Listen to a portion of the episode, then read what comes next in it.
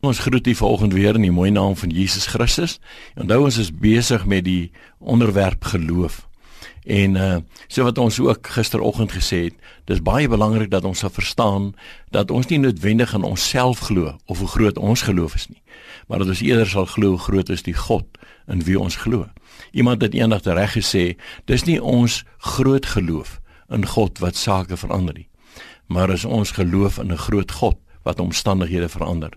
Ek wil graag vanoggend uit Hebreërs 11 vers 1 sê die Bybel, geloof is 'n vaste vertroue in die dinge wat ons hoop, 'n bewys van die dinge wat ons nie sien nie. Nou as ek in 'n dorp kom waar ek niemand ken nie en ek sou 'n haarkapper soek, sou ek rondvra watter persoon is die beste haarkapper hier in die omgewing. Dan sal mense nou vir my sê, "Goed, Jan is die beste haarkapper." Ek ken Jan glad nie, ek het geen vertroue in hom nie. Ek gaan op grond van wat ek gehoor het na Jan toe om my hare daar te gaan laat sny.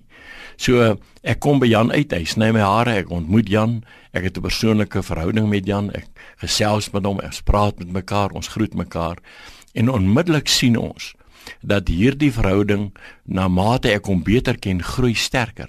En dis belangrik dat ons verstaan dat geloof is 'n vaste vertroue in die Here.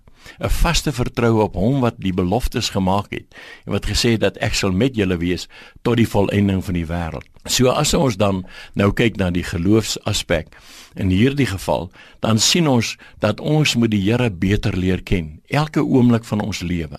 Elke geleentheid wat ons kry, moet ons gebruik dat ons in verhouding met hom hom beter sal leer ken. Ons weet dat die apostel Paulus geskryf het in Filippense 3 vers 10. Hy sê sodat ek hom kan ken in die krag van sy opstanding. Alhoewel die apostel Paulus sê, ek wil meer fasette van die Here ken. Ek wil groter heerlikheid van die Here aanskou. Na mate ek hierdie heerlikheid aanskou, weet ek dat die Here vir my groter dinge sal plaasvind in my lewe.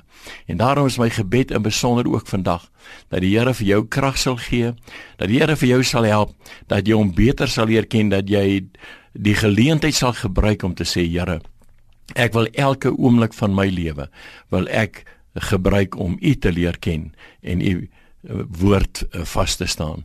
Ons vra dit in die mooi naam van Jesus Christus ook in hierdie dag vir u sodat God in jou lewe verheerlik mag word. Amen.